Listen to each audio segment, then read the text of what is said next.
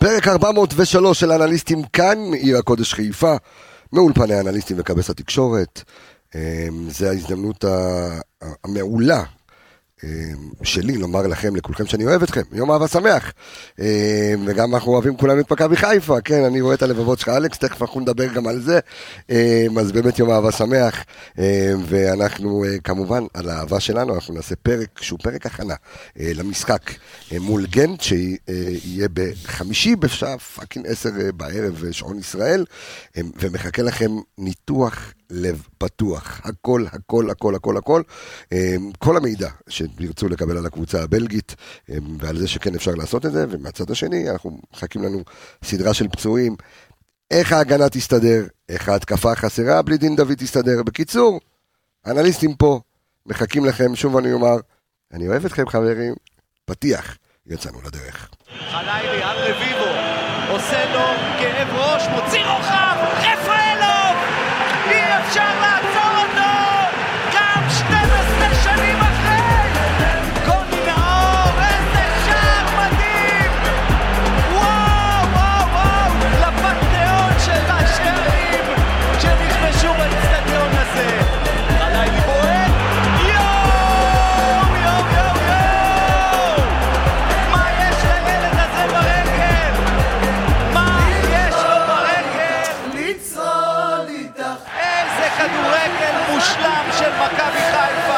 היי, אז בואו נדבר אה, מכדורגל מושלם לאנליסטים המושלמים שלי, אני היום בכזה של אהבה ולבבות. לוי וזה. דווי. לוי דווי ותקווה אבי. שלום לך, בוקר טוב.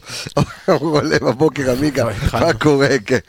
אם יהיו פה מלא גגים כאילו רעים, אז בסדר, זה אני קמתי. מה זה לא אם? מה זה אם? כבר היו כבר. היו כבר, בסדר, זה לא מוקלט. כן, לא אנחנו פה. מתשע עכשיו לא היו. פה לפחות איזה שלושה ארבעה גגים לגניזה. נכון, בדיוק. אה, מצד כולנו, כן, שלא יפילו את זה רק עליי.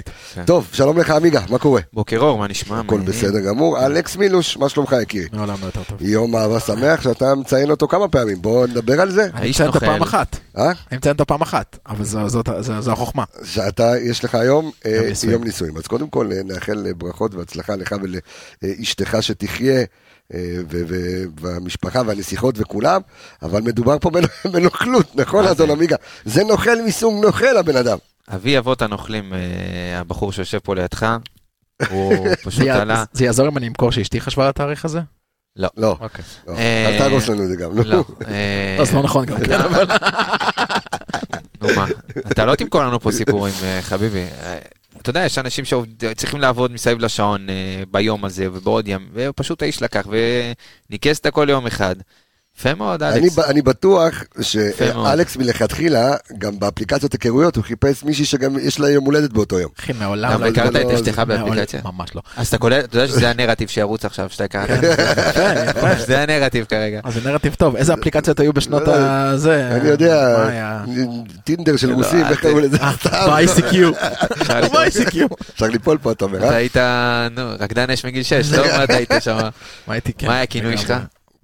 גם שם היית? קובלסקי? לא, לא הייתי הייתי קובלסקי שינית שם. לקובלסקי עכשיו. הייתי קובלסקי, כן. טוב, אנשים לא מבינים מה אנחנו מדבר, אבל כן, אבל אה, הוא אה, קובלסקי. הביא בחורות בסלסה. הוא מתקשר אליי, באמצע, עושה לי, איך אני מוצא אותך בטוויטר, למה אתה תמיד משנה את זה? כן, תפסיק לשנות את זה. טוב, אז שוב, יום נישואים אה, שמח. שיהיה במזל, אלכס. כמה. שנים אתה נשוי? ידעתי שתתקיל אותי, 16 שנים. בדוק כאילו? זאת אומרת, אם אנחנו... בדוק. וואלה, יפה. 14 שני 2008. דרך 16 אגב, שנה. אתם רוצים לפתוח פה טיפים? כי אתה, אה, דרך אגב, אני רק מספר למאזינים שלנו, למי שלא יודע, שעמיגה הגדול, בעזרת השם, יום שני הקרוב אתה מתחתן, יא אללה. מברוק. כי, הופה. אלכס. אבל אה, כן, יום שני, אני מתחתן. אגב, יש מלא, אתה יודע, אני רואה לפעמים תגובות לפרקים, זה אנשים. אומרים, איפה עמי- עמיגה בורח שמנצחים, זה פיירו נתן את הגול, עמיגה לא מגיע. רבותיי, אני, בימים האחרונים, ובתקופה האחרונה, אני פתאום נהיה רציני. לא, באמת, אני, יש כל כך הרבה דברים יש לעשות. פה את השיר שלך לא. מפעם, אה? וואו. אור עולה בבוקר. אור, עולה בבוקר, עמיגה. בסדר, אחרי שהתחתן האור הזה לא יעלה כבר בבוקר. יהיה רק חושך. אה, תשמע, תשמע, אתה מתחתן, אתה מתחתן יום שני, אה? עשית כבר מדידות לאזיקון אלקטרוני? אה, כן, אה, לקחתי, ביקשתי שיקטינו אותו קצת. יום אחרי, קצת לחצי אני רוצה ברגל. להגיד לך, רגע, שנייה, אנחנו פה בשיחת חבר'ה. יש רגע, יום אחרי שהתחתנתי. שאלו אותי, מה ההבדל? עכשיו, בגדול לא היה, כי גרנו לפני זה כמה, כמה שנים ביחד, ו- ותכלס, אתה יודע, חזרנו לבית שלנו, המשכנו את החיים כרגיל. היד קצת יותר כבדה, וחוץ מזה, שום דבר. לא, אז קודם כל אתה לא צודק, זה לא נכון. אתה באת. יש אתה. הבדל, אה. יש הבדל עצום, ברור שהבדל. יש הבדל עצום. ב- ביום שאחרי, אתה יודע למה? כי ביום שאחרי אתה חייב להיות איתה. אתה חייב להיות איתה. אחי, זה בכתובה, אתה צריך לשלם על זה כסף, אחי. אתה חייב להיות איתה. אם. אתה לא מתחתן, זה אומר שאתה בוחר מיוזמתך כל יום להיות עם האיש שאתם בוחרים אחד בשני. שלם כסף, עכשיו אין לך. לבחור. כן. זה הכל כסף. אני, אתה יודע מה, אני חייב שאנחנו אנחנו חייבים להתחיל לדבר כדורגל, ואז אני רוצה לדעת כמה אתה הולך אה, לשים בכתובה שלך. אה, בוא נדבר על, אה, בוא נדבר על גנט. בוא נגיד ככה, כן, נו. אה, מה השווי שוק של אה, פרנזי פיירו היום? היום, תשמע, הוא חזק, מה זה שלוש מיליון? טירוף, אתה מבין? אז אה, המחירים עולים, השוק עולה, אנחנו צריכים להתאים את עצמנו, יש אינפלציה בשוק. וצריך לשים סכום... אה, עוד מעט נדבר. על ה- אנחנו- עוד בדיונים על הנושא הזה. עוד מעט נדבר על המחיר, של אה. הכתובה שלך ועל הקניין, והקניין הרוחני, וקניין. ובניין. בוא נדבר, טוב, אז קודם כל בוא נספר שאנחנו הולכים לשחק ביום חמישי נגד אה, גנט, שהולכת להגיע כמעט אה, ללא שחקנים. אה, מי שחושב שזה הולך להיות טיול קל, לא, זה לא יהיה טיול קל, על אף שזה הרבה יותר מאפשרי, אה, גם כשמכבי תל אביב שיחקה מולם וניצחה אותם עם סגל חסר. אה, זה לא אז, זה- אה, אז זה לא היה אותו דבר, אה, קצת שונה. מאוד שונה. אה, כן, אה, לא לא. גם אז הם סירו... קח שוב את הלפטופ שלך אחורה, רואים אותו על המסך. יפה. בוא רק נגיד, אה, שנייה, בוא רק נספר ככה טיפה על הקבוצה הבלגית, אנחנו צריכים להיכנס לפרק שהוא רצחני ומהיר. אז גנט, אחד ה... אני קורא גנט, גנט, גנט, גנט, ג' נ' ט', או בת' אם אתם רוצים. שלוש אותיות אה, שאומרות הכל, בדיוק. אחד המועדונים הוותיקים בבלגיה שלא זכו בהרבה תארים, והאליפות הראשונה והיחידה הייתה להם אליפות אחת רק, כן. ב-14-15 היו שותפים לשני... רגע, עצור, עצור, עצור. אה. אתה רוצה לעשות חידון כאילו? לא חידון. לא חידון. אה, אוקיי, אחד הנתונים כן, שככה, אתה יודע, אתמול ישבנו והסתכלנו, גנט וזה, אוקיי, ותשים לב לנתון הבא. כן. למשחק ביום חמישי יהיו בסגלים של שתי הקבוצות שלושה שחקנים בלבד שזכו באליפות עם היחידה והראשונה של גנט ב- בהיסטוריה, ב-2014-2015. שניים מתוך השלושה שחקנים האלה משחקים במכבי חיפה ואחד מהם משחק בגנט.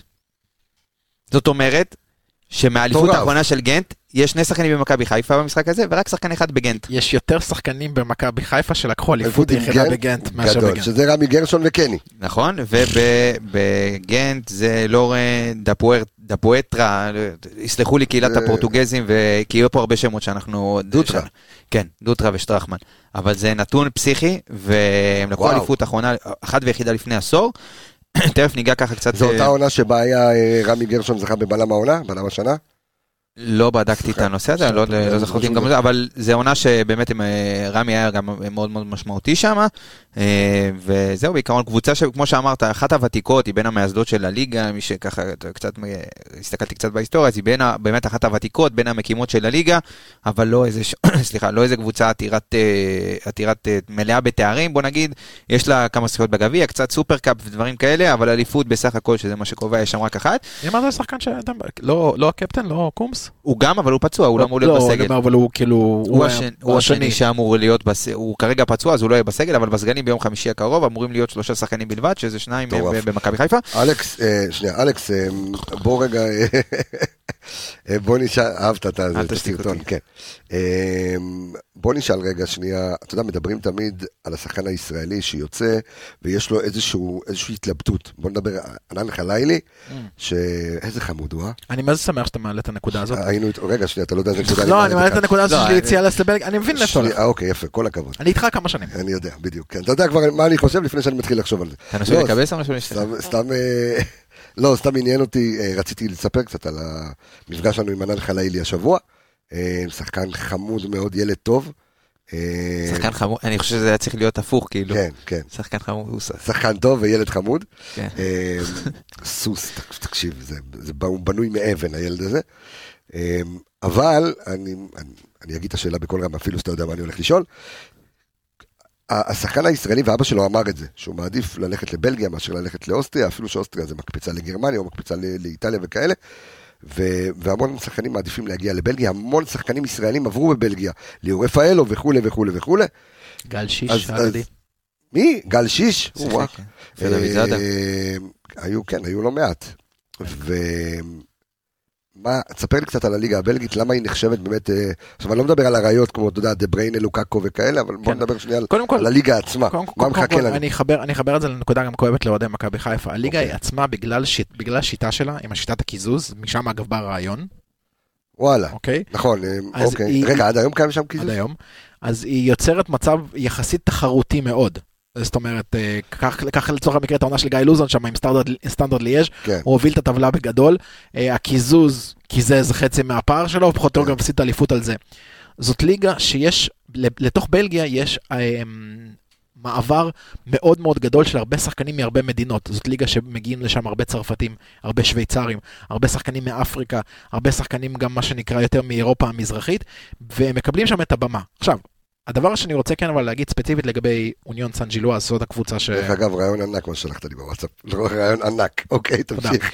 אמ, אני... ספציפית אני רוצה רגע לדבר על, על, על הקבוצה הזאת, אוניון סן ג'ילואס. אז יש הרבה כן. דיבור ברשת על המחירים. 7 מיליון פה, כמובן ההשוואה היא לגלוך. כן, אני חושב שהדיבור הוא לא נכון מבחינת הכסף, זה לא הכסף, זה ספציפית הקבוצה.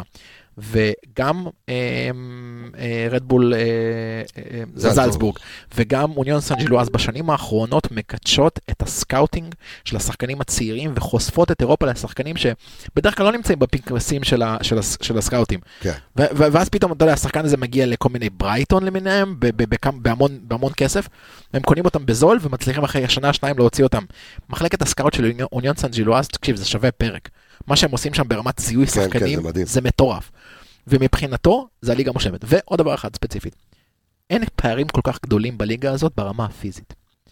זאת אומרת, אתה... בין ישראל... בין, ישראל, בין שחקנים ישראלים לבין שחקנים בלגים. אוקיי, נכון, יש לוקאקו ויש אה, פלאיני ויש כן. אה, טובי אלדרווילד שהם מפלצות, אבל רוב השחקנים הבלגים הם לא שחקנים פיזיים עד מאוד, ואז הרמה הפיזית, רמת המהירות והאינטנסיביות של הליגה, פחות או יותר מתאימה לשחקן הישראלי. אז אנחנו רואים שהם נגיד קופצים מדרגה לליגות כמו אנגליה וספרד ואיטליה, ושם הקפיצה היא מטורפת ומאוד קשה, ויש פציעות הרבה, הנה אנחנו רואים את זה עם... מנור סולומון, כן. אה, פציעות בקריירה שלו, אה, ככה שאני חושב שהליגה הזאת היא מתאימה מאוד לשחקן הישראלי, בוא נגיד הפרופיל של ענן חלאילי די מתאים. לסיפור הזה. בוא נדבר שנייה על, אה, גנט, אז היא פירקה את מכבי תל אביב. אה, ב... זה היה 2-1 או 4-1? 2-0 2-0 והפסידו במשחק הראשון, 3-1. והפסידו אה, 3-1. הפסידו שלוש, אוקיי. אה, אבל בוא נגיד, הייתה במשחק דווקא מכבי תל אביב פירקה אותם במשחק השני. בשני, זה אחד כן, המשחקים שאני ראיתי, אגב, דיברנו על זה פה באח- באחד הפרקים, שאני אמרתי שאני ישבתי וראיתי את המשחק. אתה רואה פשוט קבוצה ישראלית מפרקת לגורמים, קבוצה שעד לנקודת הזמן ההיא, הייתה באמת קבוצה מאוד מאוד מובילה ו- וקבוצה טובה, וגם הייתה ברצף טוב בתחילת העונה, אבל באמת היא עשתה להם, וזה אחת הנקודות שישבתי ואמרתי, תקשיבו, אני לא רואה אותם, איפה הם מאבדים נקודות. ומפרקת, מכבי תל אביב. מפרקת דווקא, דווקא באספקטים שאתה לא מצפה שקבוצה ישראלית תפרק קבוצה אירופית. ואז בא אלכס כמו בכל עונה ואומר חכה בנקודה הראשונה שיאבדו מכבי תל אביב ונגמר להם הסיפור. שם מתחיל הכדור שלג. אבל אני חייב עוד קצת לגעת, אה, נגעת בקודם ב- בליגה הבלגית, אז המבנה שם מעבר ל...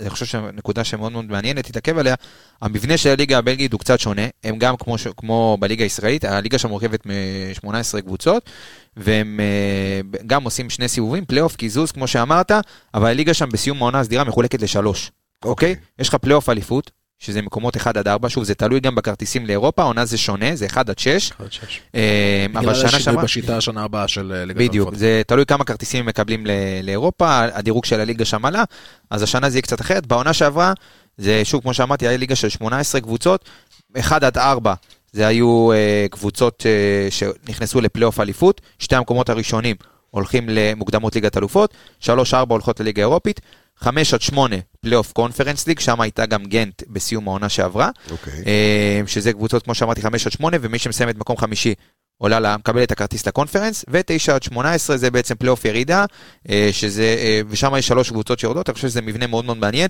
את הקיזוז אין מה להחזיר לפה, אבל אולי שווה נכון. לעשות איזה, אה, לשקול באמת לשנות אולי את המבנה של הליגה פה למשהו דומה. רק אגיד אז- לעכברי הכדורגל, אגב, שיש שיטה יותר מורכבת ומוטרפת בכלל ברמת ליגה, זה הליגה הארגנטינית, הארגנטינית, שמה... שם השיטה היא כל כך מסובכת ברמה שתקשיב, אני אגיד לך עכשיו, משפט שאתה- גם קשה לעכל. קבוצה שלוקחת חצי, שנה, חצי עונה אליפות יכולה לרדת ליגה בחצי עונה השנייה. קרה לריבר פלט לפני כמה שנים. זה, זה כאילו שיטה הזויה לחלוטין. אני אתן, לא אז בעצם- רק אני אסיים קצת אוקיי. את העונה הקודמת כן. ואיך גנט בעצם הגיעו ל- לקונפרנס, אז את העונה הקודמת אה, גנט סיימה במקום החמישי. אה, ב- את העונה הסדירה בעצם, ונכנסה לפלייאוף של הקונפרנס. היא הייתה רחוקה שלוש נקודות בלבד מפלייאוף האליפות, זה לא היה מספיק לה, כי גם הייתה רחוקה איזה 19 נקודות מה, מהמוליכה, אה, באותה נקודת זמן של, אה, של סיום העונה הסדירה. את הפלייאוף היא סיימה עם אה, איזה שישה משחקים, אז היא סיימה אותם חמישה ניצחונות ותיקו אחד, והגיעה למוקדמות של הקונפרנס. את המוקדמות של הקונפרנס היא התחילה אה, בסיבוב הראשון נגד אה, ז'לינה. אה, ז'לינה מסלובקיה, סלובניה? סלובניה. סלובניה. סלובניה. אה, מי שהיה שם בסגל של אותה ז'לינה זה אדו, השחקן החדש של אה, אדו, אדו של מכבי תל אביב. גנט פירקו אותם אה, 10-3 בסיכום בשני המשחקים. אה, הוא גם שותף, הוא עלה אה, כמחליף פעמיים מהספסל. בסיבוב השני הם קיבלו את אה, פוגון הפולנית, אה, 5-0 בראשון, במשחק השני אה, באמת היה לפרוטוקול, הפסידו 2-1. בסיבוב האחרון של הפלייאוף אה, בעצם הם קיבלו את אפואל ניקוסיה מקפריסין, ניצחו 2-0 בראשון, גם במשחק השני ניצחו 2-1, ואז הם בהגרלה של הבתים קיבלו את אה, מכבי תל אביב, זוריה לוהנסק וברידאבליק, ברידאבליק אה, ה- אה, האיסלנדית, ברידאבליק, כן. אה, הם. כן, אז הם. סיימו, הם סיימו את, המק... את הבית במקום השני, אה, על אף שהמאזן שלהם מבחינת אה, שערים וספיגות היה הכי טוב בבית, אבל הם אה, הפסידו למכבי תל אביב במשחק האחרון, היה מספיק להם תיקו לדעתי, ו... זהו, הקטע? מעניין שהם הגיעו למשחק האחרון, שהם בגדול יכולים להפיל מהמקום הראשון. נכון, תיקו היה מספיק להם. תיקו היה מספיק להם והם פשוט הפסידו, ושוב, זה נראה שהם כאילו סוג של נתנו את המשחק הזה, הם לא באו באמת ברצינות על למשחק הזה, זה גם אחת מהסיבות שמכבי באמת פירקה אותם, לא שאני חלילה מזלזל, אבל פשוט זה היה מאוד מוזר מבחינת איך שהם הגיעו למשחק הזה, זה משחק על המקום הראשון בבית. אגב, אם הם היו מנצחים, או שהיה נגמר תיקו, אנחנו לא לא היינו פוגשים אותם. נכון. כי הם היו עולים אוטומטית, ומכבי תל אביב היו, היינו מקבלים קבוצה אחרת, בוא נגיד ככה, אין לנו, לא היה לנו סיכוי לקבל את גנט, אם... אה, רגע, את מי- את מי מכבי תל אביב הולכים אה, לקבל? עדיין לא יודעים, לא יודעים. הם אה, כבר אוטומטית, הם מתחילים את ה- את הסיב- את הנוקאוט במרץ. אנחנו בסיבוב אה, שלפני הנוקאוט, ואז אם אנחנו עולים, אנחנו בהגרלה של מרץ. בסיבוב הנוקאוט. כן. אוקיי. מי ששואל מתי אנחנו יכולים לפגוש את מכבי תל אביב עם סיבוב ההצלחות הבא. בסיבוב הבא. אז רגע, אז בואו, בוא, אני רוצה רק להיות רלוונטי, כי אני רוצה שהפרק הזה באמת יהיה מדויק מאוד. אה, ובואו נספר רגע שנייה, אני הולך פה על כל מה שאתם הכנתם. אה, הליגה פחות מעניינת, לא, תשמע, זה- בסוף כשאתה מכיר, כשאתה נכון. כשאתה עושה דוח על קבוצה, אתה בונה איזשהו סיפור. נכון. כדי להבין מה אתה הולך לפגוש. אז קודם כל לתת את העונה הקודמת זה מאוד מאוד רלוונטי כדי להבין מה הסגנון של הקבוצה, מה השאיפות שלה. אז להגיד לך שהם קבוצה שרצה לאליפות כל עונה בבלגיה זה לא. אוקיי. אם תסתכל על העונות האחרונות, מקומות חמש, שש, מדי פעם מתגנבים לפלייאוף אליפות, אה, זה כן איזושהי מטרה מבחינתם, בגלל זה גם אנחנו רואים את כל הדיבור עכשיו של המאמן שלהם, כן לעלות עם הרכב מלא, אז- לא לעלות עם אתה יודע הרכב מלא. זהו, זאת הנקודה. אז שנייה, אז רגע, אז- אני- כן מסכים איתך, כי אה, איך שמת פה כותרת, אה, היה להם חלון בלהות, עזבו חמישה שחקנים, תכף אנחנו נדבר מי השחקנים היה לי גג שעזבו. טוב על הזה, אז תשאיר לי אותו. אני משאיר לך אותו, אל תדאג, אני לא, לא אגנוב לך שום דבר, הכל טוב. אבל מה שכן, בוא, בוא נאמר, בוא ניתן את הכותרת רגע לפני שאנחנו מפרקים אותם לגורמים ואז נעבור אלינו, שהם הם כביכול, על פי כל הכותרות בתקשורת, המאמן, עוד פעם, או שזה משחק, או לשחק בראש של מכבי חיפה, ואני רואה את, את הראש שלך עושה לא, אמ, כאילו לוות, סוג של לוותר על המשחק הזה, אמ, אבל, אז בוא תספר לי רגע על המצב באמת שלהם בליגה, שגורם להם אולי להסתכל על המשחק של מכבי חיפה כ... כ... כביכול משני אפילו יותר מזה בחשיבותו. אז נחלק, אז נחלק את זה לשתיים ונספר ככה את הסיפור של העונה הנוכחית של גן, כי זה באמת סיפור אחד המטורפים שאני ראיתי של קבוצה. אה, ובהרבה מובנים זה גם די מזכיר את הסיפור שלנו בכמה מקומות. אז כרגע הם במקום השישי בליגה, 20, אה, 20 נקודות מרחק מהמוליכה סן ג'ילואה, שאגב כל אלה שאמרו חלילי כן, חלילי לא, יש פה קבוצה שמפרקת את הליגה הבלגית, וגם היא אגב... אליפות אה, לטעמך? כן, כן. הם קבוצה מטורפת, וגם אה, בפלייאוף, הם כבר העפילו לשלב הבא או בקונפרנס, הם היו ליברפול, אני חושב, בבתים של האירופית, אה, ירדו לקונפרנס, אני חושב, או משהו כזה, אבל שוב, הם קבוצה מאוד מאוד טובה. אז את העונה הנוכחית, הם התחילו בצורה מאוד מאוד טובה, גנט. אה, את הסיבוב הראשון הם סיימו במקום השלישי, עם 7 נקודות הפרש בסך הכל. אוקיי. אוקיי, סיבוב ראשון אחרי 14, מ- 14 משחקים, אה, לא, קצת יותר, סליחה, סיימו אותו במקום השלישי.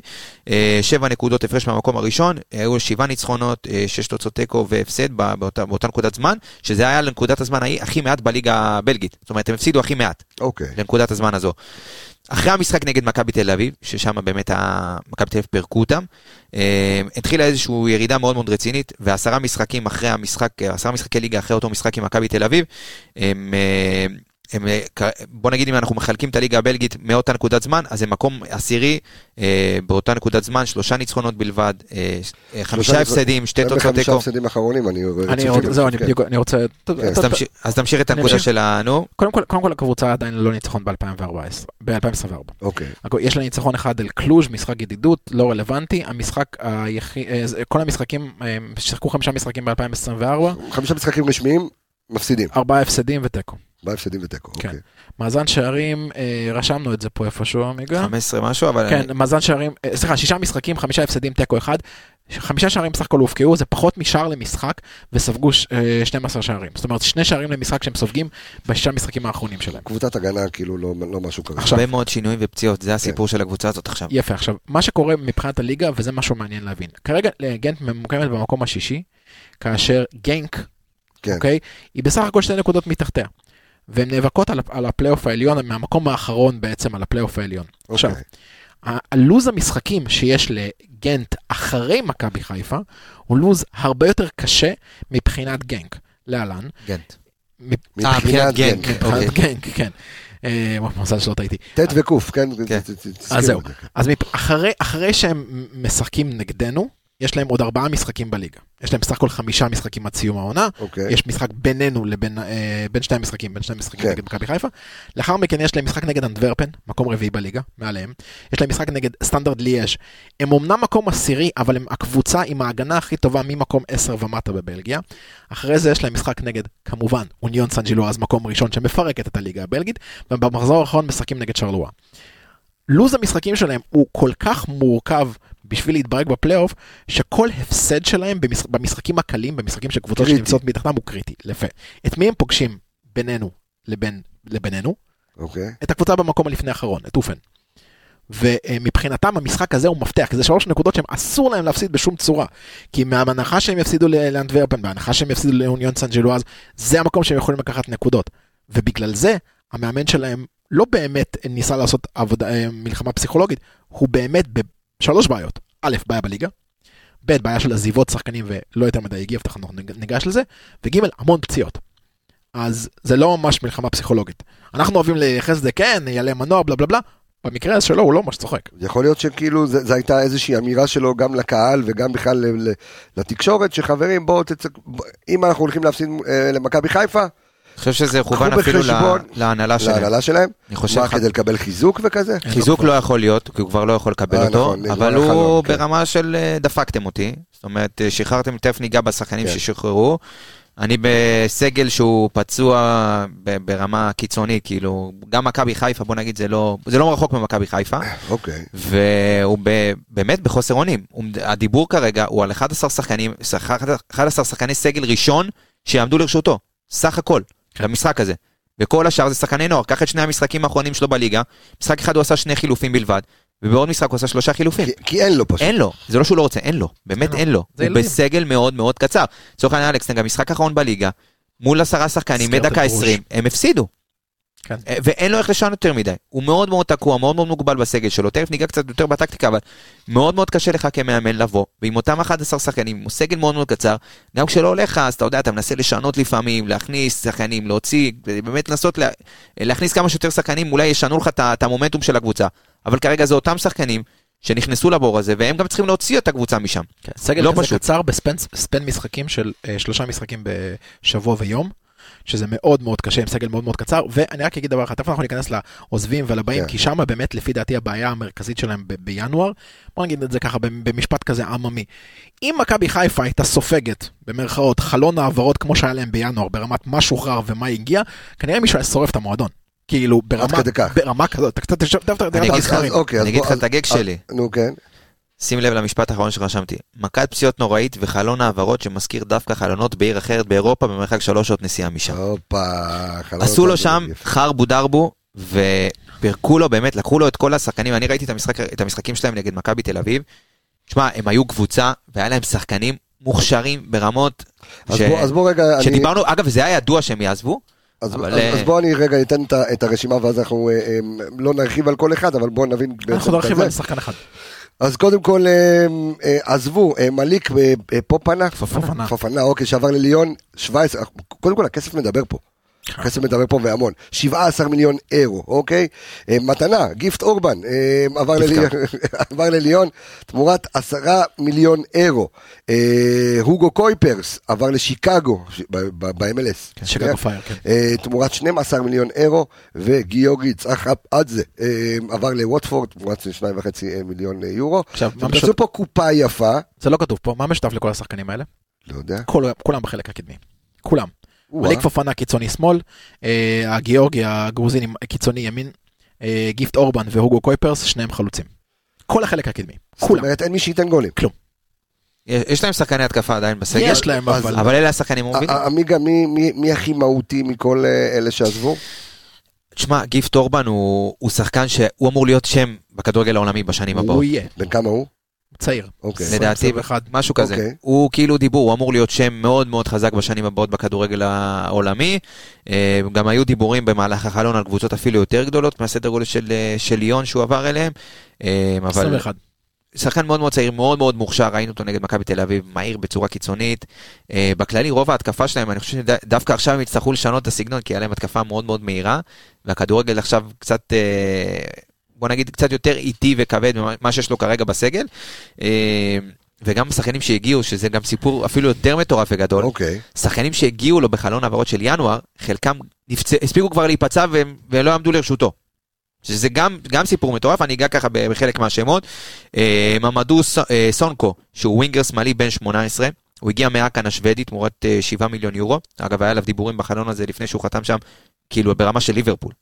אוקיי, זה, זה היה הדיבור. אוקיי. כאילו בגיל, ש- בגיל 18 כן, לעבור. אה, אחד התוצרים של המחלקת מחלקת הנוער השוודית, שחקן שאמור לדבר עוד הרבה כאילו כן. קדימה. כישרוני בצורה מטורפת, יכול, סביר להניח שהוא שחק, זאת אומרת הוא היה חולה במשחק האחרון, הוא לא היה בסגל, אה, זה ככה על פי, שוב אני רק רוצה לדייק את זה, כי גם אני וגם אלכס יושבים כבר כמה ימים ומנסים באמת להבין את הסטטוסים של חלק מהשחקנים שם, כי יש שם הרבה מאוד פציעות, אז יכול להיות שיהיו שחקנים, פלמית היא לא השפה הראשונה שלנו לצערי הרב. לא, אה, ניסיתי גם ליצור קשר עם אה, כמה עיתונאים בבלגיה, אין מענה, אני חושב שגם בגלל המצב, אבל אה, ניסיתי ככה להבין פלוס מינוס את המצב של השחקנים, מצב הסגל שם, יש שם הרבה מאוד חיסורים, אנחנו באמת ננסה לדייק אה, מי אמור לשחק ומי לא, אבל בוא נגיד שיהיו, יכול להיות שחלק מהשחקנים שאנחנו נגיד שנגיד מעמדו סונקו לא היה בסגל משחק אחרון בגלל שהוא חולה, סביר להניח שהוא יהיה בסגל, אבל יכול להיות שגם, שאתה יודע, יש אוקיי. יש מחלה, יש לו גריפה או משהו כזה, אבל הוא לא יכול לשחק. קורונה אולי. נכון, אבל אה, אגב זה שחקן שבמקרה יצא לי להסתכל ב...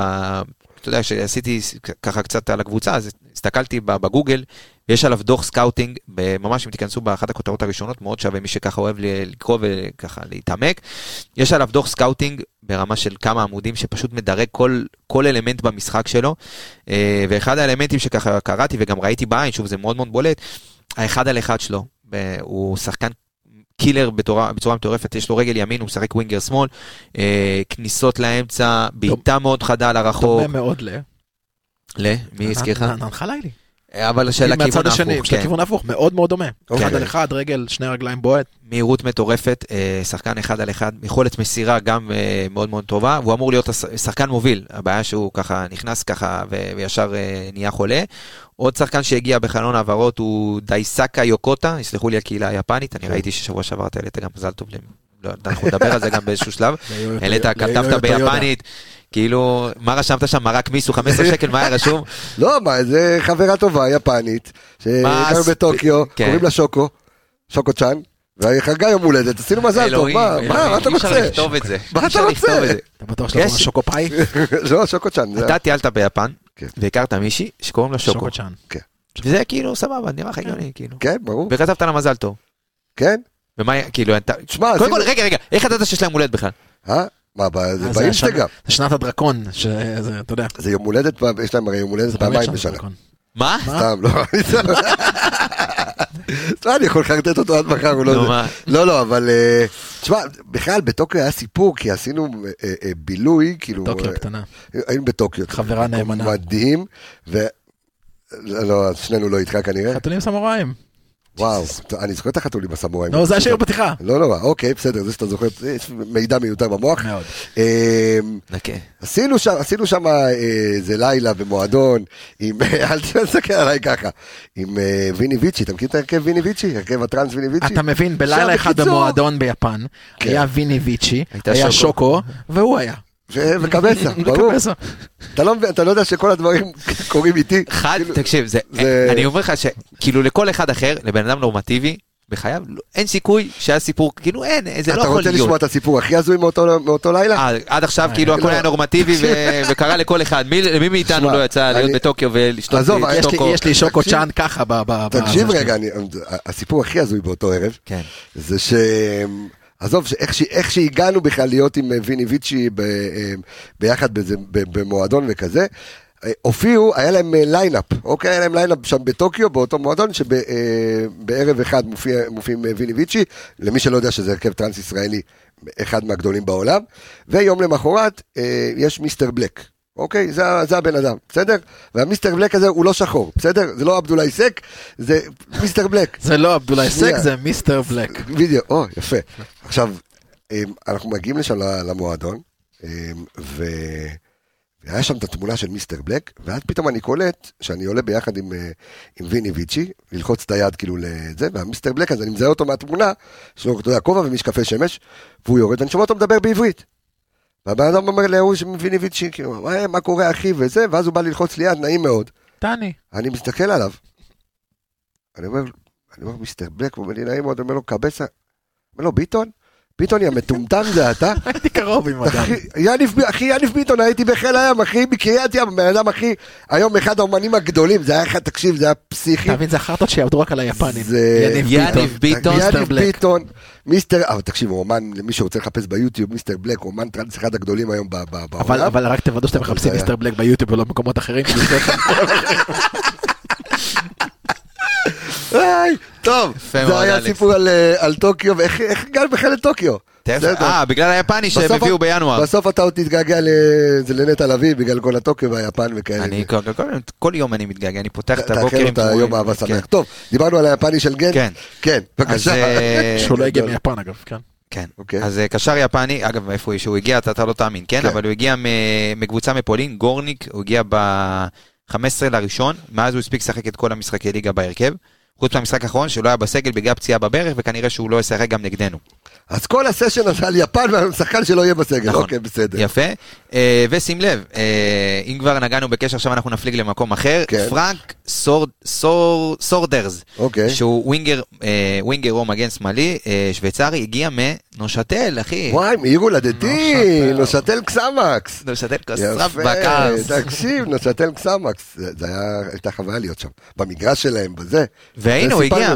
אז הוא הגיע בליגה שנייה ב- בשוויץ. יש מצב הוא בן משפחה, לא? לא. לא. אתה ראית איך הוא נראה, אין הוא יכול להיות בן משפחה של ההוא מביסלי גריל, ש... אין נו, לו שם משפחה מרוקאי, משהו, לא, אין לו פרנק, שורשים. אתה פרנק? אני אני מועיז בתעודת זהות. מועיז. בתעודת הוא. נראה כמו הדמות של 7-up של פעם. אה, אוקיי. כן, הוא כמו, בדיוק. כן. אה, אז הוא קבע שבעה שערים, העונה, כן? הוא- אנחנו מדברים על ליגה שנייה ב- בשוויץ, קבע שבעה שערים ובישל עוד שבעה, אה, ועבר לבלגיה בינואר.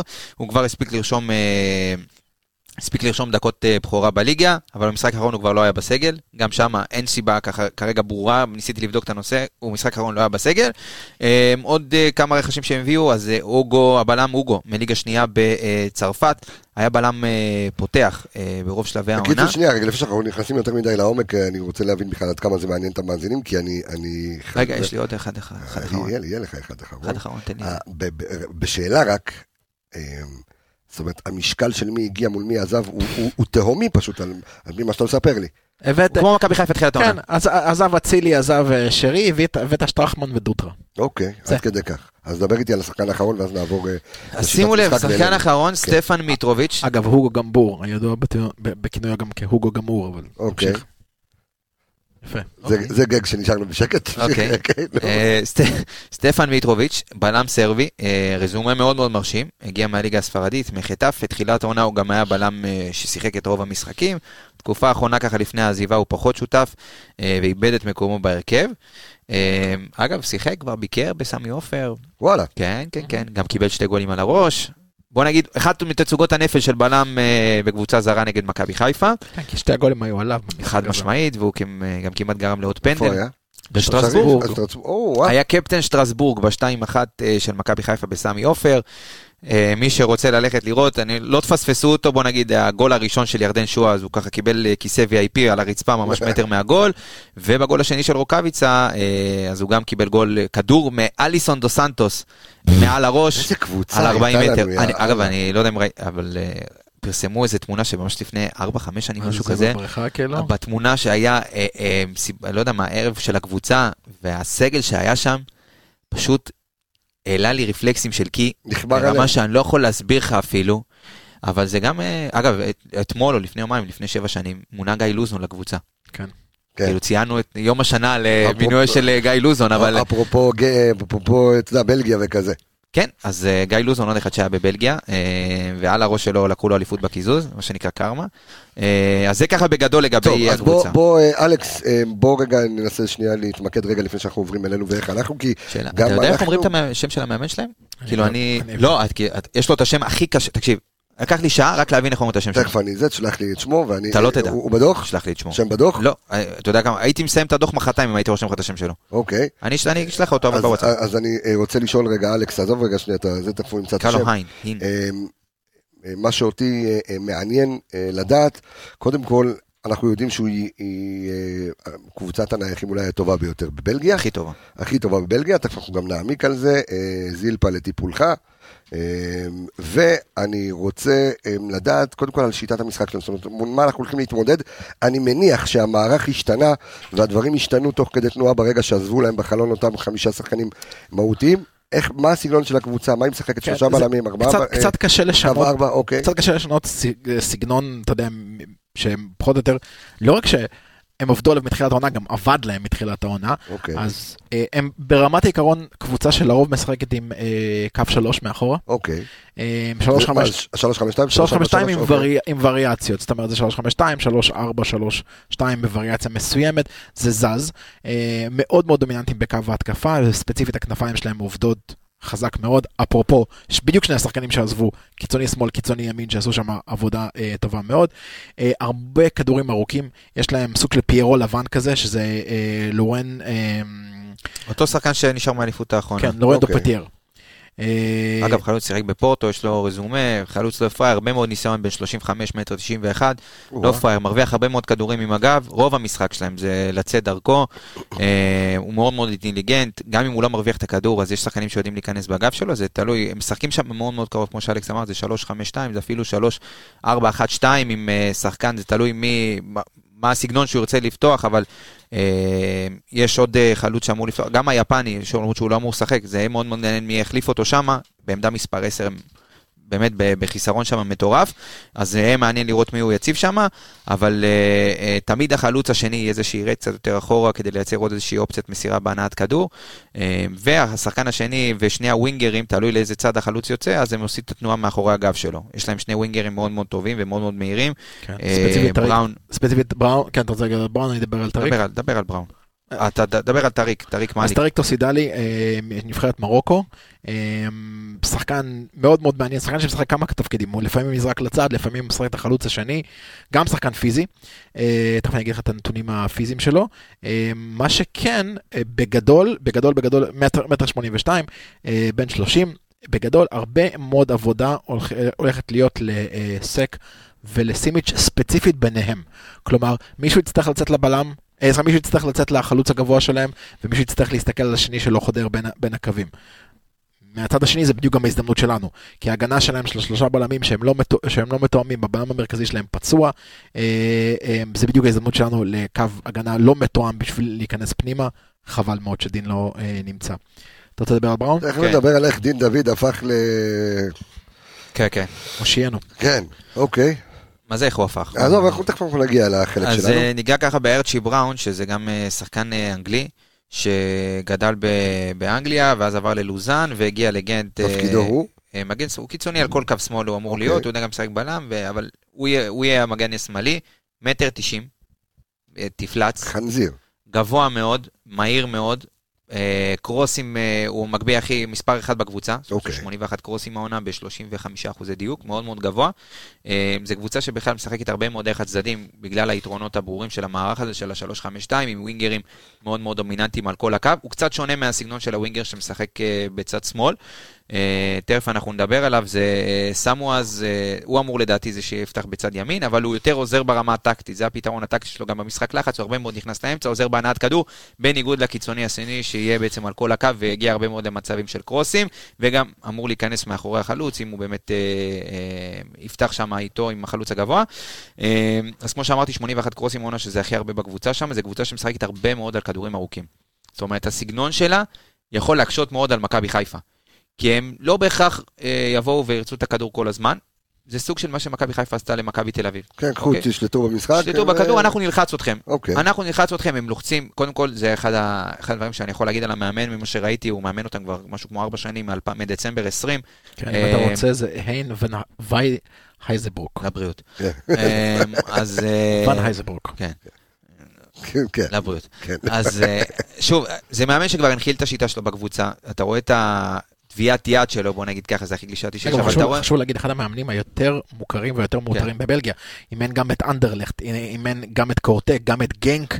אה, יש לא, לו לו רזומה. מאוד מבוקש. הוא מאמן מאוד מאוד מוכר, אה, הרבה שנים גם שם הנחיל את השיטה שלו, אתה רואה קבוצה מאומנת, יודעת מתי היא לוחצת, איפה היא לוחצת, שחקנים שפשוט נכנסים לסיסטם, השיטה נשארת אותה שיטה, יהיה מעניין לראות בעצם איך הוא יבוא, לדעתי הוא, הוא ייקח הרבה מאוד קווים מהמשחק של מכבי תל אביב נגד מכבי חיפה, אוקיי. אה, וינסה בעצם לדמות אותם, פשוט, אתה יודע, הפוך, כי מכבי תל אביב לא ויתרה על הענת כדור, אז הוא ייקח בעצם את האלמנט הזה, ולדעתי פשוט יוותר, ייתן, למכבי חיפה בעצם לשלוט בכדור, והוא ינסה ללחוץ. קבוצה שלוחצת מאוד מאוד טוב, ראיתי הרבה מאוד פתרונות טקטיים שהוא נותן בלחץ, אה, אם זה ביתרון מספרי שיש באמצע, אין מה לעשות, ב-3-5-2 יש לך אה, חיסרון מספרי במרכז, אז הוא מכניס לפעמים את הקיצוני, נותן הרבה פתרונות, גם עם הבלמים שיוצאים, אה, אז זה יהיה מבחן טקטי מאוד מאוד טוב למסיידגו, לראות איך באמת אתה עובר את הקו לחץ הראשון. יש לך את הכלים, כי כשאתה עובר את הקו לחץ, אז אתה כבר מדבר על שחקני הגנה שהם מאוד מאוד כבדים. איך זה אבל כאילו בא לידי ביטוי כשאתה מדבר איתי לפני התוכנית ואתה בא ומשוכנע שמכבי חיפה מה שצריכה לעשות, כאילו זה לנצח את המשחק הזה, נכון, ואתה עכשיו פה מתאר לי קבוצה שהיא... אתה לא משחק נגד. אה, אתה לא משחק. נגד כבשים, אתה משחק נגד קבוצה, קבוצה שבאה, קבוצה פיזית, עוד לא נגענו בגנדלמן, יש להם, שחקנים טובים, זה לא שעכשיו הם באים והם קבוצה, אתה יודע, אתה, אתה לא משחק נגד רעננה. אוקיי. כל הכבוד, קבוצה שהגיעה למקום שהגיעה, לא, לא, לא סתם, מקום שישי בבלגיה, זה לא, אתה יודע, זה לא ליגה קלה. אתה יודע, יצר פה הרושם שהליגה הבלגית היא ליגה פשוטה, וזה זה קבוצה לא פראיירית בכלל, זה שיש להם חיסורים, זה יכול, לה- בוא נגיד ככה, אני אנסח את זה אחרת. מכבי חיפה פוגשת את גנט, אוקיי. בנקודת זמן הכי אידיאלית שיכלה לפגוש אותה. שפל. אם היינו מדברים לפני ינואר, הייתי אומר לך, תקשיב, זו קבוצה שונה, הייתי מדבר איתך אחרת. אבל מצב של הקבוצה כרגע, בחודשיים האחרונים, מאז ינואר, עם כל המכת פציעות, עם כל המכת עזיבות, זו קבוצה אחרת. קבוצה במומנטום, לא ניצחה כל כך הרבה זמן. אז כן, מכבי חיפה כרגע, בנקודת הזמן הזו, גם העונה של מכבי חיפה התהפכה, בוא. אם הייתי מדבר איתך, ברגע שיצאה הגרלה, אמרתי, תקשיב, הסיכויים שלנו לא קרובים לעבור אותם. כן, ועכשיו אני אומר לך, את התהפך. התהפך, אני אומר לך שמכבי חיפה פיבוריטית במשחקים האלה. אני, רוצה להגיד שני דברים קטנים. קודם כל המאמן שלהם אגב, הוא זה שגם לקחתם את האליפות היחידה שלהם. זה דבר ראשון. אז אה, זה לא בן אדם ש... של מה בכך. ודבר שני, מכבי חיפה כשהיא הוגרלה נגד אה, גנט, הם היו קבוצה עדיפה עלינו. עכשיו, עם המומנטום שלנו והירידה שלהם, המאזן כוחות הוא שווה. אוקיי. זאת אומרת, לפי דעתי, אולי, אולי מיגה יחלוק עליי, זה 50-50 כרגע. לפני כל מה שקרה להם בינואר, לפני החלון העברות המטורף, לפני כל הפציעות, לפני כל המכות האלה שהגיעו אליהם בליגה, והסגל המאוד מאוד מצומצם, הם היו קבוצה יותר, אה, קבוצה עדיפה עלינו, היינו אנדרדוג והיינו צריכים להפתיע בשביל לעבור אותם. אני חושב שהיום המצב הוא 50-50. זה עדיין לא אומר שאנחנו פייבוריטים, זה עדיין לא אומר שהולך להיות משחק קל, זה עדיין, אגב, כמובן, ללא הביתיות שלנו, ללא 30 אלף בסמי עופר. גם שלהם, אגב, צריך לצ- לציין את זה. לא, להם במשחק, ה- טוב, יהיה לנו. גם תוכנית אה, עד כן, עד אז. אבל לא יהיה קהל בבלגיה, ושם כן יהיה קהל שלנו, אבל. אלף באיזה איצטדיון אנחנו מארחים, אגב? בבודפסט. אה, שנייה, אני מסתכל. זה 40 אלף? זה כאילו איצטדיון גדול או קטן? זה איצטדיון... אה, הבנתי שיש 8,000 זה- צועדים שלנו? לא, אני ראיתי 1,500. וואלה, אני ראיתי מספרים הרבה קודם כל. ראיתי בבוקר אה, בטוויטר אה, אנשים נוסעים להם, אתה יודע, וטסים ויופי, והתלוו את הקבוצה. אה, בוא רגע לפני ש... בוא בוא נעבור אלינו? צריך לעבור אלינו, נכון? או שיש עוד- אה, כמה דברים שצריך לדבר עליהם? אה, כן, אני אתן עוד איזושהי ככה חשוב נקודה. קטנה, כמה כן. נקודות שרשמתי לי פה. כן. אה, איך אני אוהב שאתם באים מוכנים וזה, אין עליכם. כן. תותחים. כן. אז ככה, אה, כמו שאמרתי, הרבה מאוד קרוסים, הרבה מאוד כדורים ארוכים, גם המסירות מפתח שלהם זה הרבה מאוד כדורים ארוכים שבאים אחרי קו ההגנה, זה גם משהו שצריך לשים לב אליו. גם מקו ההגנה. בוא נגיד, השחקנים המובילים שלהם בסירות, במסירות מפתח, יש שם שני בלמים ברשימה הזאת, שבשחקנים המובילים ועוד אוקיי. קשר אחורי. אה, אז בוא נגיד, שוב, זה עוד איזושהי נקודה שהעמדה מספר 10 שם עדיין לא מאוישת בצורה, כרגע לפחות במצב הקבוצה הנוכחי. אה, אה, עוד נקודה שרשמתי לי, הם כן. הקבוצה, רשמתי לי את זה במרכאות, אבל הם הקבוצה הכי מבוגרת כרגע ב- בליגה הבלגית, אוקיי? אתה דיברת רק על צעירים שמגיעים. יפה, אז רגע, כן. שנייה. אוקיי. הכל- הכל יחסי בחיים, קבס. אני למדתי, לא, אתה יודע, סטטיסט... כן, אני למדתי לא, בחיים. ממוצע, ממוצע, הרי ממוצע מושפע מקיצונים, יש להם המון צעירים ויש להם קפטן בן 35. אוקיי. עכשיו הם קצת, בוא נגיד, לקחו את הקבוצה צעד אחד קדימה, הביאו שחקנים יותר עם ניסיון, גם הבלם שהם הביאו, אה, מיטרוביץ', הוא גם שחקן אה, די מבוגר. אז כמו שאמרתי, עם הקבוצה המבוגרת במרכאות, הכי מבוגרת בליגה הבלגית, ממוצע של אה, גיל השחקנים שלהם הוא 26.7 במשחקי הליגה העונה. אוקיי. אם אני שם אותם בליגה הישראלית, יש לך ניחוש איפה הם ממוקמים? בגיל- יותר גיל 26? כן. איפשהו... אה, באמצע.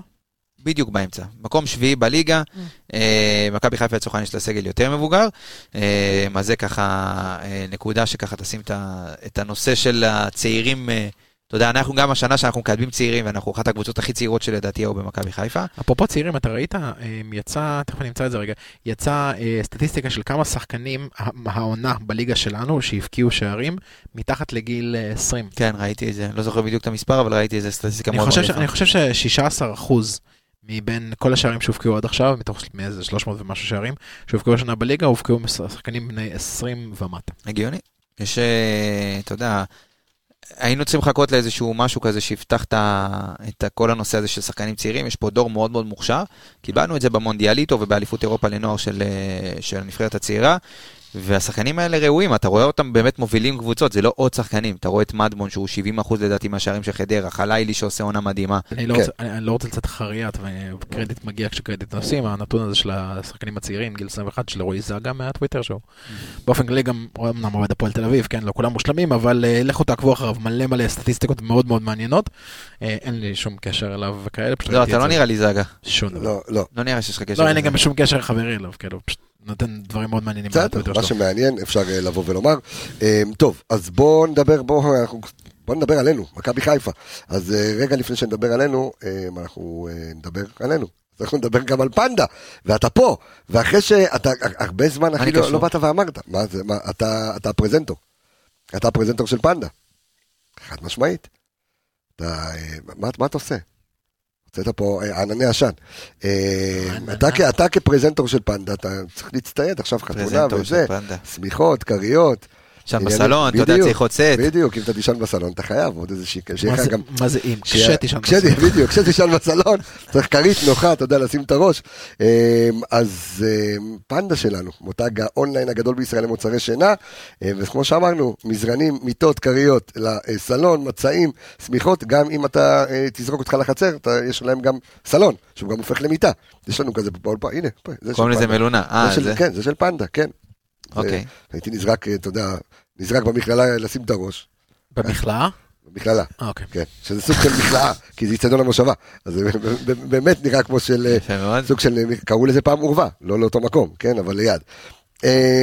אז כמו שאמרנו, יש לכם לילות של אה, ניסיון אה, בביתכם על כל המוצרים, לא על האישה, האישה לקחת, נשארת, אמ, תנסו כמו שצריך בבית, בלי הניילונים, בלי לחץ ובלי דאגות, משלוח, הכל. ואתם כמובן, אה, פודקאסט אנליסטים אה, כמו תמיד, כהרגלנו בקודש, מקבלים 15 אחוזי הנחה ברכישה דרך האתר, על כל האתר. קוד קופון כמובן, שהוא אותו דבר? אותו דבר, בלי הזה בסוף. Y-A-R-O-K. יפה, Y-A-R-O-K ב... אותיות קידוש לבנה. יפה, אותיות גדולות. אז כנסו לאתר של פנדה, אה, www.pandazzzz.co.il, וואו וואו, נקודה פנדה זיזי. נקודה co.il ותקבלו הנחה על כל המוצרים באתר. פנדה זה אני קורא לה. פנדז, פנדז. ואם אתם עדיין מתלבטים, כמוני, למי להצביע, מעולה. אה, ייקח, אנחנו עוד אה, שבוע, שבועיים לבחירות המקומיות, יא אללה. טוב, אה, אנחנו לא נספר, יש דברים שאנחנו נשאיר כאן. אה, שחבל, שחבל, אני. חושב שצריכים, אני בדעה שצריך לעשות, לפתוח הכל פה. לא, אני חושב שצריך לעשות יום בחיי ולשים לשים פה איזושהי מצלמה, גם לפני, גם אחרי, אתם מקבלים מי? פה באמת, בחיי מין. אנחנו מקבלים פה, אתם באמת מקבלים פה טעימה של שעה ומשהו, שאנחנו באמת מנסים לנקז בו את כל הטוב שיש, אבל אני חושב שהטוב קורה ברגע ש... גם לפני לפני וגם אחרי. כן, כן. כן, אני אומר לך שיש פה כן, פה דברים ש- טירוף חושים. טוב, אז קודם כל אנחנו נמצאים בבעיה מאוד מאוד קשה, ולפני שאנחנו אה, נדבר על איך אנחנו הולכים לשחק, אה, ומה המערך, אה, ומה הכלים שיש לנו, אה, נדמה שאין הרבה כלים. אה, אז דין דוד נפצע. אתה רוצה להתחיל עם אה, ההתקפה? שני- אז כן, אז אני אומר, אני, אה, דין דוד נפצע במיניסקוס. וכמו שבמכבי חיפה, אנחנו לא יודעים כמה זמן זה הולך אה, רגע, להימשך. רגע, רוצה, רוצה לציין משהו על זה. הניתוח שהוא יעבור כנראה, זה בדיוק הניתוח שאני עברתי. אוקיי, אותו קר, אותו קרע מניסקוס, אצלו רצועה צידית, אצלי הייתה רצועה קדמית. תקשיב, אני לא ספורטאי, אני בטח לא בכושר. כן. אחרי שבועיים אתה יכול לחזור להתאמן. עד כדי כך. כן. אוקיי. ואגב, איזה ביטחון אתה אומר את זה? ואגב, ואגב, עזבו אותי, אני טמבל, אני לא יודע כלום.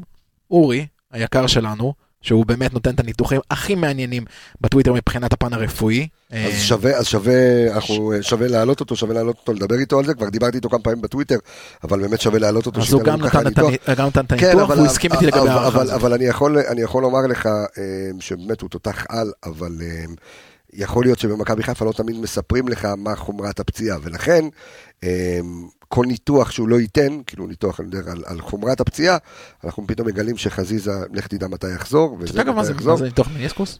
לא יודע, זה לא מעניין כרגע, אני רק אומר, שוב, אנחנו צריכים להתמודד כרגע בלי דין דוד, שהפך להיות מלך השערים של מכבי חיפה, מלך השערים של הליגה, עם 11 שערים, ופתאום אנשים כמו דוגמת אה, עמיגה וחבריו, ככה נורא חוששים פתאום לשים את פיירו שהוא עם שער אחד פחות, רגע אנחנו כן. נדבר על זה, אבל יש כאן עבודה, יש כאן עבודה, ודרך אגב, גם שון גולדברג שלא ישחק, אה, אה, יש כאן עבודה, חמד. ו- ותומר חמד, אה נכון, גם תומר חמד לא נרשם. לא- תומר חמד לא נרשם. הוא לא נרשם, ודרך אגב הוא גם חולה.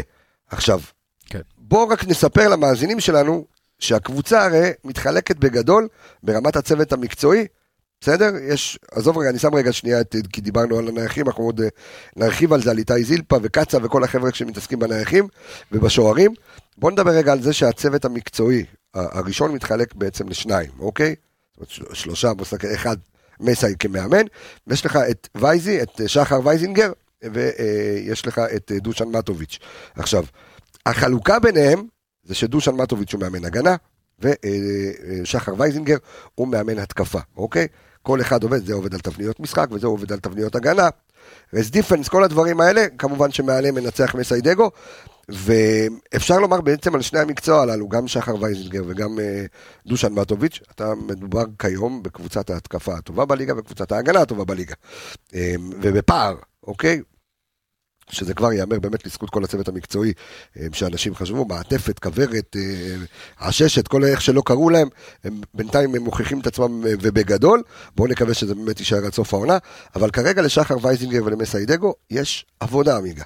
כי אתה בלי תומר חמד, אתה בלי דין דוד, ואתה עדיין צריך להמשיך ולייצב, ואני לא מדבר רק על המשחק מול גנט, יש לך דרבי ביום ראשון, ויש לך עוד משחקים שאתה לא יודע כמה זמן תאבד את דין דוד, וכמובן שפיירו וחמד, שהם שני אה, חלוצים כמעט באותו סגנון, מביאים לך כרגע איזושהי סוגיה של איך אתה הולך להמשיך ולייצר את אותה התקפה רצחנית. עכשיו אני מזכיר, בסדר? גם לך, שזה גם עבד עם פיירו. גם שזה היה פיירו ודין דוד, או גם שזה היה פיירו לבד, בעיקר באירופה. זה עבד, בסדר, נכון. מה זה עבד? זה עבד יותר טוב ממה שזה עבד שנה שעברה עם פיירו. נכון. זה יזקף לזכות. מי שעבד איתו בתחילת העונה, נכון. והבין שזה נכון. מה שיש, ועם זה צריך, מסביב זה ועל זה צריך אבל, לבנות, אבל, ועבדו אבל, עם זה טוב כן, מאוד אבל השאלה. שנשאלת, כי אני, רגע לפני שאנחנו ניכנס גם לאיך אנחנו צריכים לשחק, כי אתם סיפרתם לי כרגע שוואן רוזנשטיין, אה, ההוא, כן. אה, כן, הוא, המאמן משחק 3-5-2, אז האם כדאי לנו גם לשחק בשלישייה בלמים?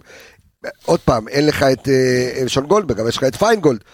תכף נראה את זה, אבל אני רוצה רגע שנייה להתרכז אה, במשימות של מסאי ווייזינגר לגבי ההתקפה. כי אתה היום יכול לייצר, דרך אגב, לא סובוי נרשם, כן. נרשם, אוקיי. זאת אומרת, אתה אמור לייצר עכשיו איזשהו פתרון התקפי, שגם ילווה אותך, אם זה בדרבי, וילווה אותך כאילו גם במשחקים הבאים, וגם אה, בצמד המשחקים מול גן. זה לא ממש מדויק, כי קודם כל במשחקים בליגה, תומר חמד וקאסה שלא רשומים לאירופה.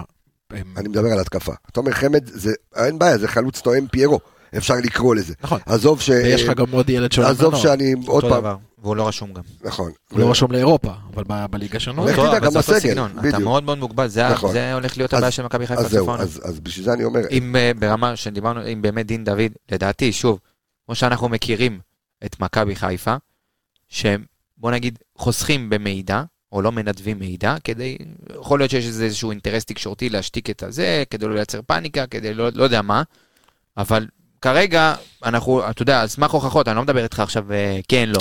יש פה. על סמך ניסיון העבר, שאילי חייג'ג' חייג'ג' אמרו שהוא בספק למשחק והוא כבר חודש וחצי לא בסגל, דולב חזיזה אמור לחזור באיזשהו שלב, כל, כל העונה הוא בחוץ. אנחנו מדברים על, על ניסיון, מסמך, על, על סמך מקרה העבר וניסיון שלנו. נכון. אז במקרה הזה, פגיעה במיניסטקוס יכולה להיות גם קרע פתאום, אבל קרע זה גם סוג של פגיעה, אבל אף אחד לא מספר את זה. אז במידה, בוא ניקח את זה בנקודה הזאת, שמכבי חיפה כרגע, דין דוד, לא יהיה בחוץ עד תחילת הפלייאוף, בואכה אמצע הפלייאוף. אני, אני אומר לך שזה זה ההימור שלי. כן, לא אני- רוצה ללכת יותר רחוק אני- אפילו. מי? דין דוד? דין הפלייאוף? דוד עד תחילת הפלייאוף לא פה, אני... בואכה אמצע הפלייאוף. אני לא רוצה לפתוח את הפה, אבל לפי דעתי הוא יהיה כשיר לפלייאוף העליון. בסדר, אה, אוקיי, אבל שנייה רגע, תנו לי הלוואי, לסיים. כן? אמ, ואז אני חושב שכמו שאמרתי, וייסי ומסי צריכים להתחיל למצוא רגע פתרונות, ואני מנסה רגע לחשוב דרך הפתרונות שלנו, אוקיי? שאנחנו רגע נציע פה על השולחן. עכשיו, איך, של? איך, שלא, איך שלא הפכתי את זה, איך שלא הפכתי את זה, הסתכלתי על זה שיכול להיות, שהרי אמ, אם אין לך, אמ, יש לך את... חמד תואם פיירו, אבל בוא נדבר גם על המשחק מול גנט וגם על שניים שלושה משחקים הבאים, ואין לך דין דוד, זאת אומרת אין לך את החלוץ המהיר, האם באמת שווה אולי לקחת את קני סייף, להעביר אותו לצד שני, אוקיי? עזוב כרגע שקורנו מוצב למשחק מול גנט, אני מדבר נגיד דרבי וכזה, בואו נסתכל רגע שנייה בלונגרן או אפילו בשורטרן, בסדר? אמ, ולקחת את אה, חלאילי ולתת לו להיות חלוץ, וקני סייף להעביר אותו ווינגר בצד אה, ימין, יש עוד אפשרות. ואז קורנו, שקורנו חוזר, יהיה לך את קורנו על כל הקו, קני מצד שני, או יש לך את לוסובוי, שהוא לוסובוי הוא משחק, הוא, הוא בגדול הוא אינברט, שמאל. הוא אינברטד ווינגר, אבל הוא, אם אני לא טועה, הוא, הוא. הוא רגל ימין. אז אתה כן יכול שהוא ידבק לקו וישחק כאילו מהכיוון ההוא, ואז אתה מרוויח את חלאילי עם המהירות ועם הבעיטה ועם הכדורים השניים שיפלו מפיירו, אתה יודע, להאזין גם את כל השאר.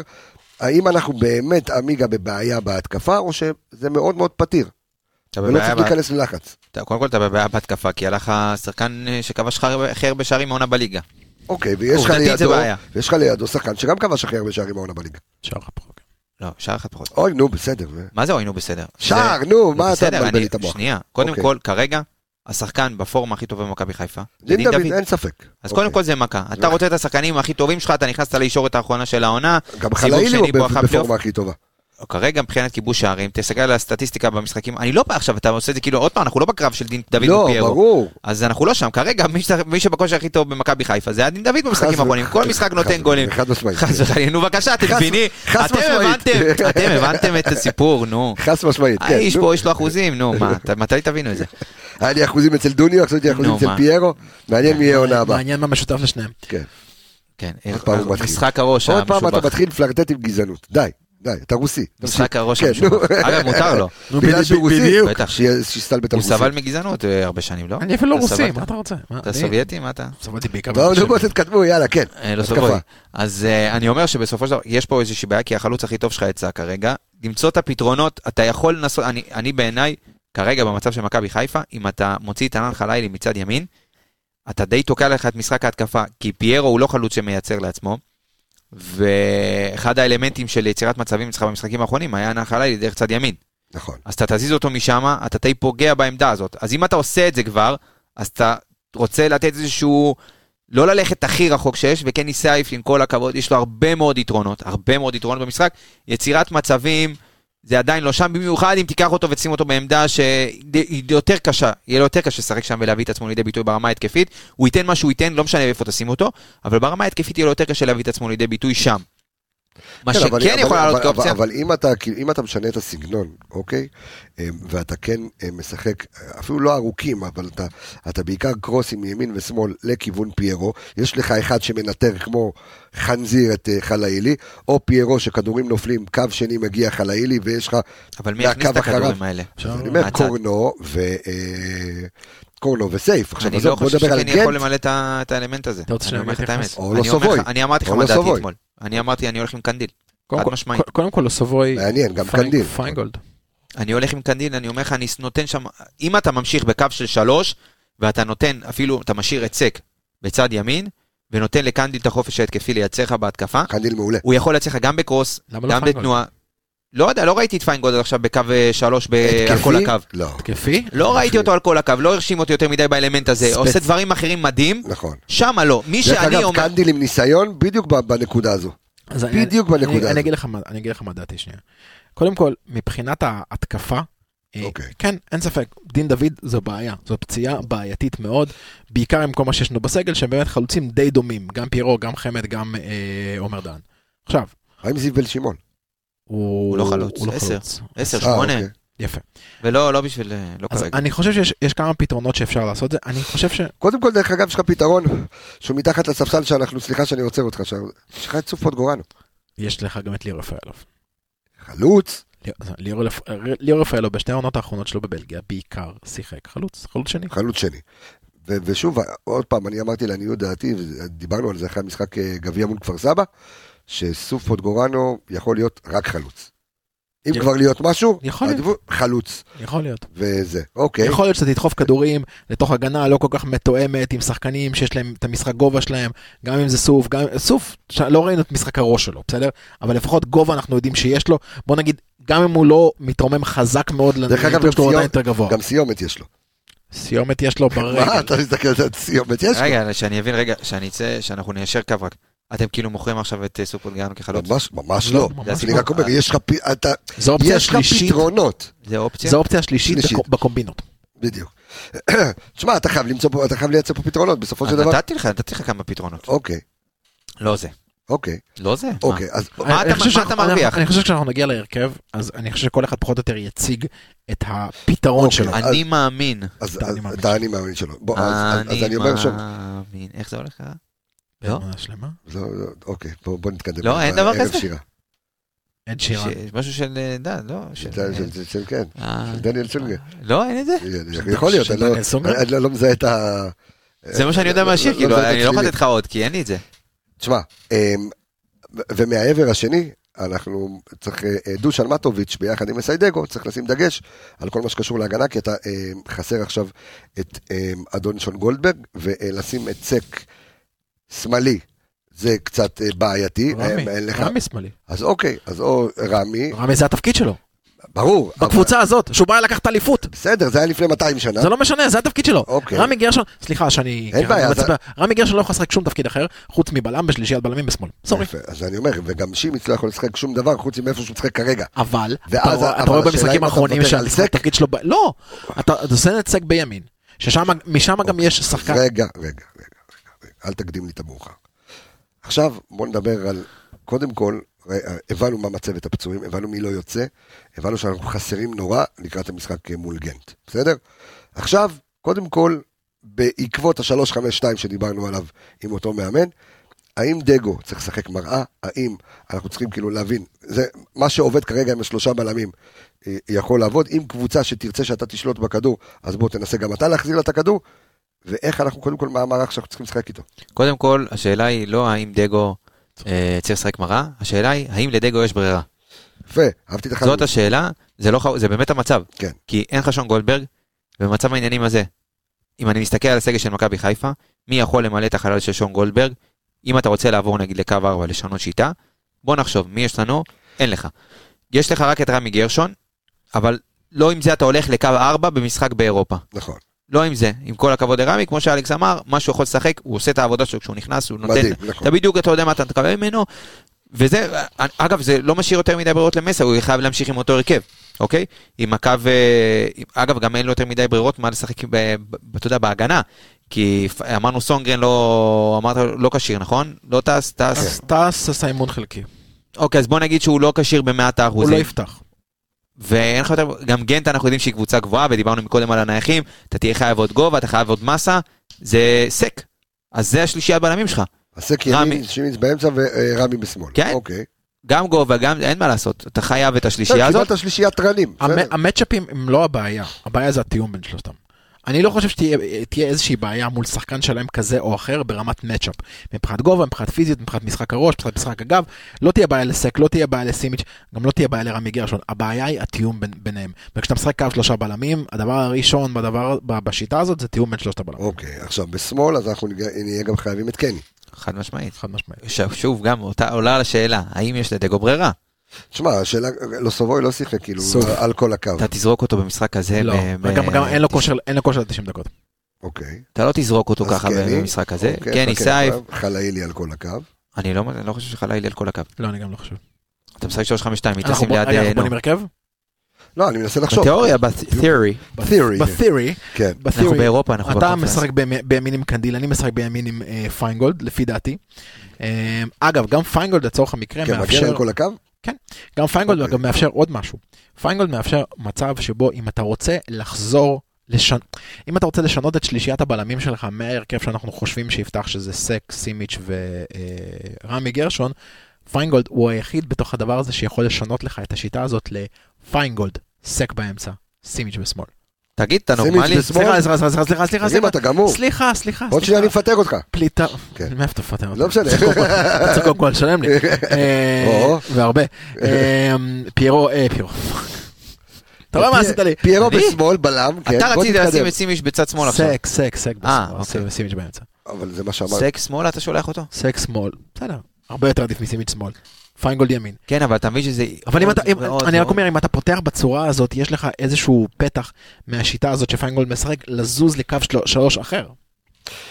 בוא נהיה ריאליים. אה, לא, הרי- הריאלים שהוא אמור לפתוח במגן. אין, אין, אין שום דבר ריאלי במש- במצב של של הפציעות והחיסון. עזוב, לפני, אנחנו דיברנו לפני כמה ימים, יש 33 שחקנים בסגל, מי מזה פתאום אתה אחרי אה, יומיים אתה מדבר, לא, אין לי. שנייה, שנייה. נכון, כי אז- במצב העניינים הזה, קודם כל אתה מוריד חלק מהשחקני הרכש שלך שלא יכולים להירשם. אז נכון. תוריד לך שחקנים.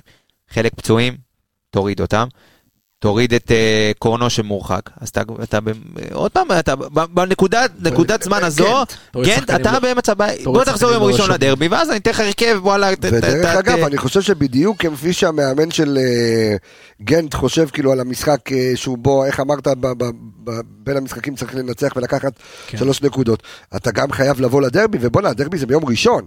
בסדר, זה לא תגיד, זה- הפרש של כלום, אתה עוד גם לא... הם משחקים ביום ראשון. לא- בסדר, אני אומר, אתה, כן, אבל... מבחינת הפועל חיפה כי לא. את- גם אתה והנחיתה והזה ופה והעצימות והפועל חיפה קבוצה טובה.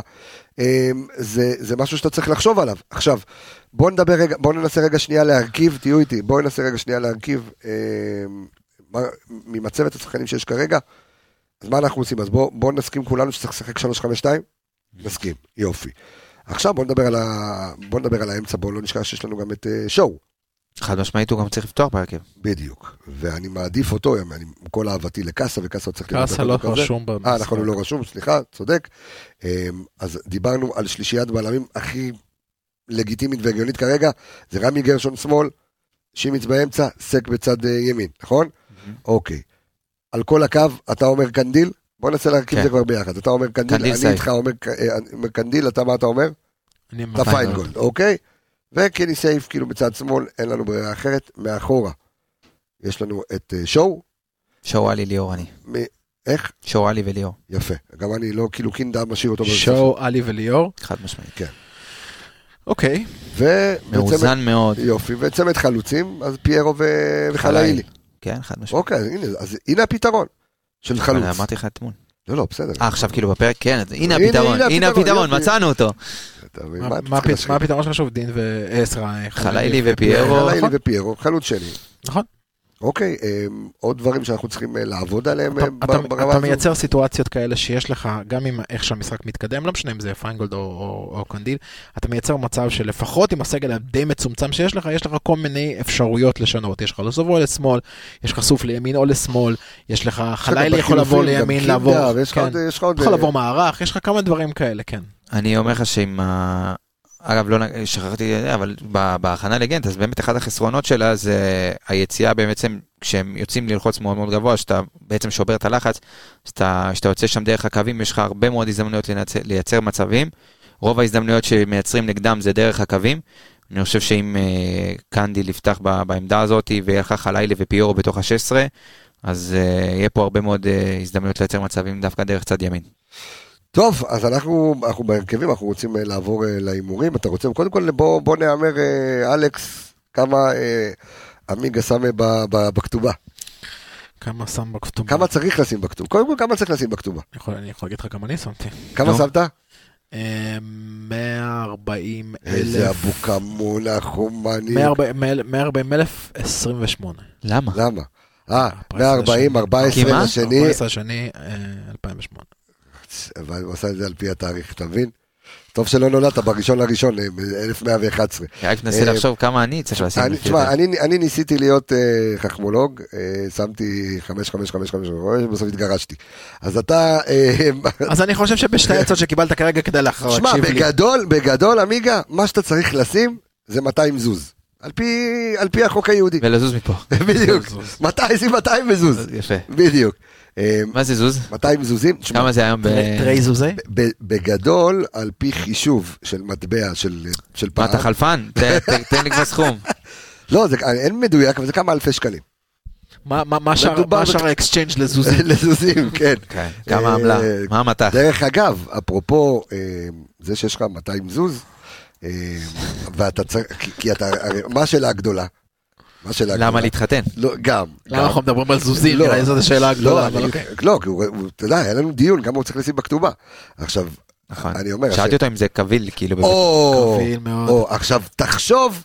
עד כמה, קביל, קביל. אחי, קביל? מה, לא, אז היא תיקח זהו, אותי לא ל... קביל. בית משפט, אם- אם אם שתיהם מחליטים ללכת לבית משפט לבית דין רבני, תקשיב, קביל. המקום היחיד שזה יכול להיות קביל בו, עם איך שמתנהל פה זה, זה הבית משפט של ההתאחדות, והמקסימום יכולים להוריד נקודות, אחי. ואם הוא יעשה פלטה אתה תקבל הורדת נקודות, אבל מה שיפה ומה שמצחיק, בזה שמי שהפך את זה ללא קביל, ואומר כאילו זה- שזה, שזה נשאר יותר נוהל ונוהג יהודי, זה היועץ המשפטי שהיה לממשלה, מני מזוז. והוא גם הוא זוז. הוא ביטל את ה-200 זוז, אתה מבין? שזה... אצלו כל. אה, הוא גוזר את הקופון, אה? הוא אמר מה זוז וביטל, סתם, גם ג- גרוע. לא, באמת, אבל כן, הוא- כן, כן, כן. זאת אומרת עכשיו, לא משנה, אז- אז בקיצור, בסוף זה חרטה ברטה ולא משנה כמה אני שם, כמה אני שם. אם האישה תתעקש ועשית פדיחה של החיים, יש מצב התחתונים. מה שנקרא, אבל, אה. אבל כן, כן, אז בוא, התחתנת, יש לזה אחריות. אתה יודע מה אני, בוא נעשה, תראה לאן אני לוקח את זה. בוא נעשה פעילות בדף הפייסבוק שלנו, כן. כמה- עמיגה צריך לשים? לך כן, בקופה? שכל אחד ירשום כמה, וה... וינמק. בדיוק. והתשובה המנומקת וה... שככה. אני יכול להיות ראשון? תיפסל לאלתר. מה? אל- 1913 שקלים.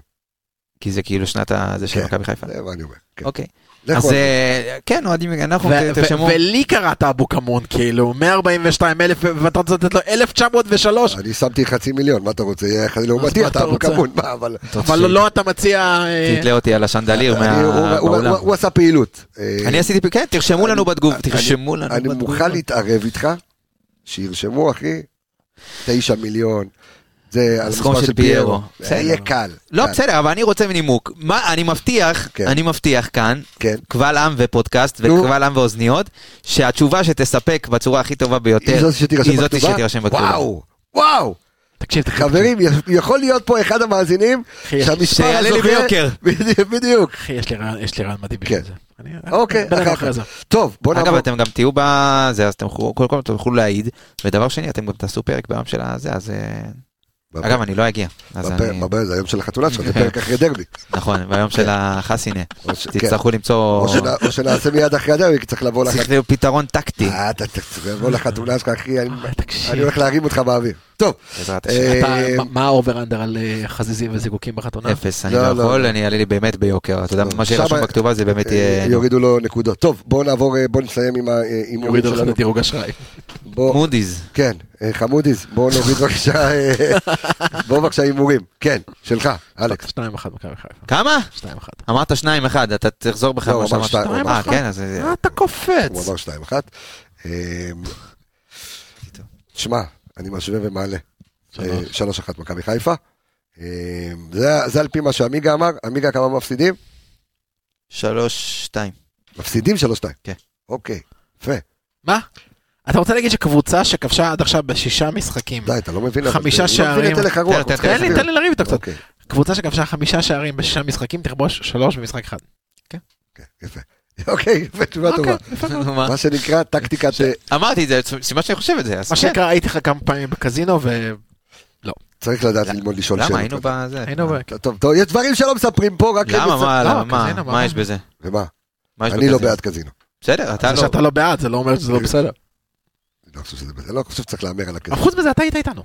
לא, הוא לא הימר. אבל לא הימרתי. לא, הוא יש שם בצד. לא, הוא היה לך חדר עישון. בצד האוהדים של חיפה, והתחיל כן. לדבר איתם על כדורגל. בדיוק, אני בניתי הוא טקטיקות. בא לדילרית בשולחן של הבלק ג'ק, שם לו את המיקסר על השולחן, זוזי רגע, עשה לה ככה לג'יטונים, עשה לה ככה, אנחנו. מקליטים עכשיו, תעשי רגע בדיקת סאונד. כן, איינצוויין, איינצוויין, איינצוויין. טוב, אה, תגידי נומור ב', כן, אה, אז אה, טוב, רוצה לומר אה, תודה.